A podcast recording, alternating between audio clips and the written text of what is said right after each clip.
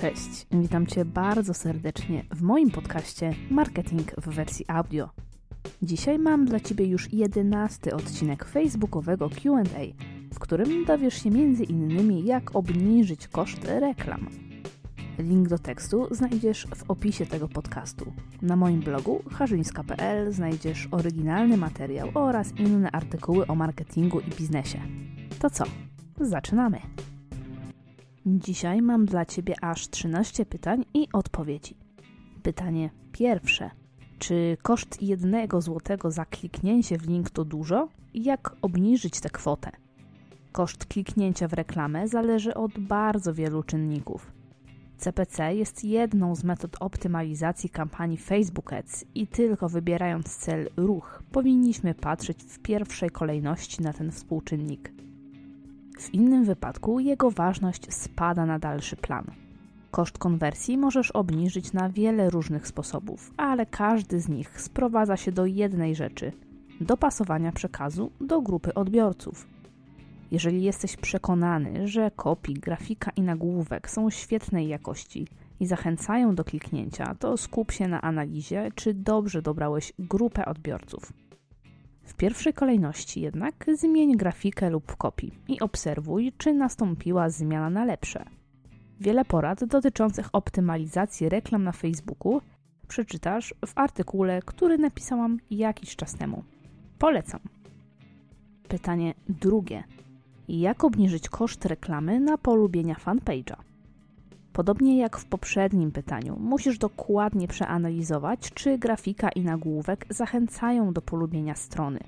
Zwrot w rodzaju polub nas nie mówi nic o tym, dlaczego ktoś miałby zrobić taki krok. Jakie są korzyści z polubienia Twojej strony na Facebooku? Jeżeli przekazujesz na nim ciekawostki, to napisz o tym w kopii.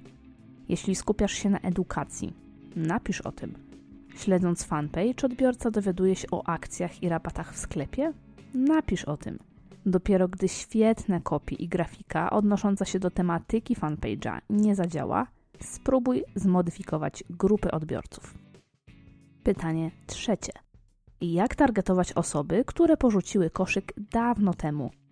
Czasem bywa tak, że chcesz zachęcić do odbioru kogoś, kto przeglądał lub dodał do koszyka produkt nieprzeceniony – Obecnie akurat masz na niego promocję, więc to świetna okazja do odzyskania koszyka. Jak więc targetować tylko osoby, które dodały do koszyka produkt, ale nie kupiły go na przykład 90 czy 100 dni temu? To proste. Stwórz dwie grupy niestandardowych odbiorców. Pierwsza z nich obejmuje osoby, które porzuciły koszyk 0 do 89 dni temu, czyli ostatnie 89 dni. Druga grupa natomiast niech obejmuje osoby, które porzuciły koszyk w ciągu ostatnich 100 dni. Następnie wyklucz w grupie reklam grupę numer 1 i voilà. Pytanie czwarte. Jak skontaktować się z supportem Instagrama? Jeżeli masz problem z Instagramem, to najprościej skontaktować się z działem pomocy poprzez czat Facebooka. Znajdziesz go pod adresem podlinkowanym w artykule na moim blogu. Inną możliwością jest tapnięcie w aplikacji Instagrama opcji ustawienia, a następnie pomoc i zgłoś problem. Pytanie piąte. Jak sprawdzić, do których grup dołączyłem jako strona, czyli fanpage? Wejdź na swój fanpage i kliknij w kartę grupy. Pierwsza lista dotyczy grup, które utworzyłeś jako strona, a druga grup, do których dołączyłeś jako strona. Pytanie szóste jak stworzyć reklamę na Instagramie, która przekieruje do profilu. Obecnie nie ma takiej możliwości z poziomu menedżera firmy. Wklejając link do profilu Facebook, Wklejając link do profilu, Facebook przekieruje użytkownika do przeglądarki, a nie natywnej aplikacji mobilnej. Istnieją dwa wyjścia z tego problemu. Stworzenie specjalnego linku za pomocą narzędzia podlinkowanego w moim artykule ale darmowy jest tylko pułap 5000 kliknięć w link. I drugie wyjście stworzenie promocji istniejącego zdjęcia na Instagramie poprzez apkę mobilną. Całkiem niedawno na moim blogu opublikowałam artykuł, który mocno rozszerza odpowiedź na to pytanie. Dowiesz się z niego, jak wypromować się na Instagramie poprzez właśnie reklamę. Pytanie szóste Czy kampanie w Facebook Ads konkurują ze sobą? Jeżeli posiadają różne cele reklamowe i lub grupy odbiorców, to nie konkurują. Facebook stara się pokazać reklamę osobie, która najtaniej wykona określoną w kampanii konwersję. W teorii celować będzie więc do kogoś zupełnie innego z reklamą na polubienia niż na przykład z reklamą na konwersję zakupu. Powyższe dotyczy również grupy reklam. Jeżeli w każdej targetujemy inną grupę odbiorców, to może dojść do nakładania się grup, bo ludzie mogą należeć na przykład do odwiedzających www, jak i aktywnych na fanpage'u. I wtedy algorytm wymiennie stosuje grupy reklam. W dalszym ciągu jednak nie konkurują one ze sobą. Prostym sposobem na wykluczenie nakładania się grup jest ich wykluczenie w grupach reklam.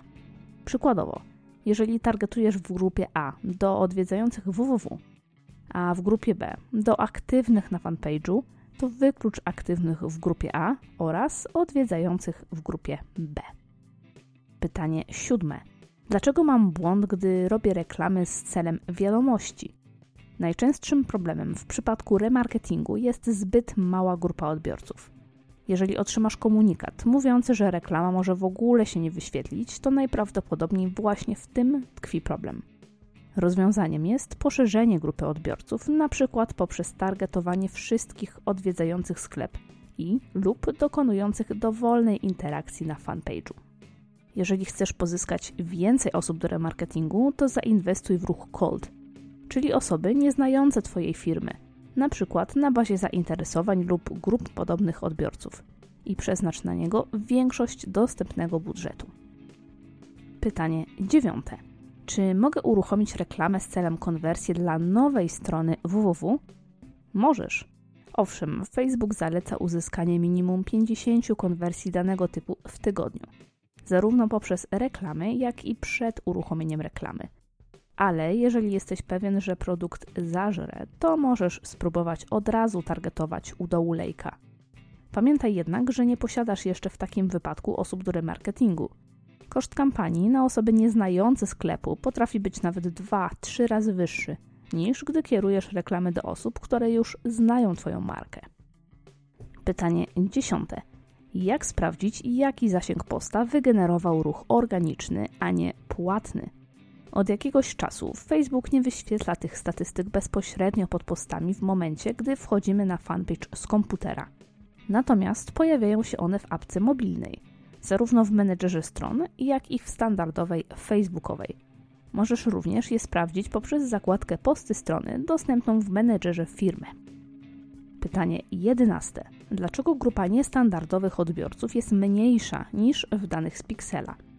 Pixel Facebooka zbiera dane o każdym wejściu na stronę, niezależnie czy użytkownik jest zalogowany do Facebooka, czy nie.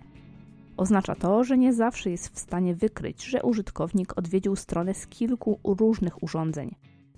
Osoba przeglądająca stronę, np. z pracy, niekoniecznie będzie zalogowana do Facebooka. Pixel więc uzna ją za nowego odbiorcę i nie zapisze do listy remarketingowej, gdyż nie jest w stanie przypisać do niego konta na Facebooku. Pytanie dwunaste. Dlaczego reklamy nie konwertują mimo wielu dodań do koszyka? Przede wszystkim upewnij się, że patrzysz na unikalne dodania do koszyka, a nie wszystkie. Może się tak zdarzyć, że wszystkich dodań jest na przykład 100, a unikalnych jedynie 10. Przy tak małej liczbie nie ma sensu wyrokować, czy reklama działa dobrze, czy źle. Musisz poczekać na minimum 100 unikalnych dodań, Odpowiednią kolumnę dodasz poprzez ustawienia kolumn w raportach reklam. Zaznacz odpowiedni checkbox przy wskaźniku dodania do koszyka. I ostatnie pytanie, trzynaste.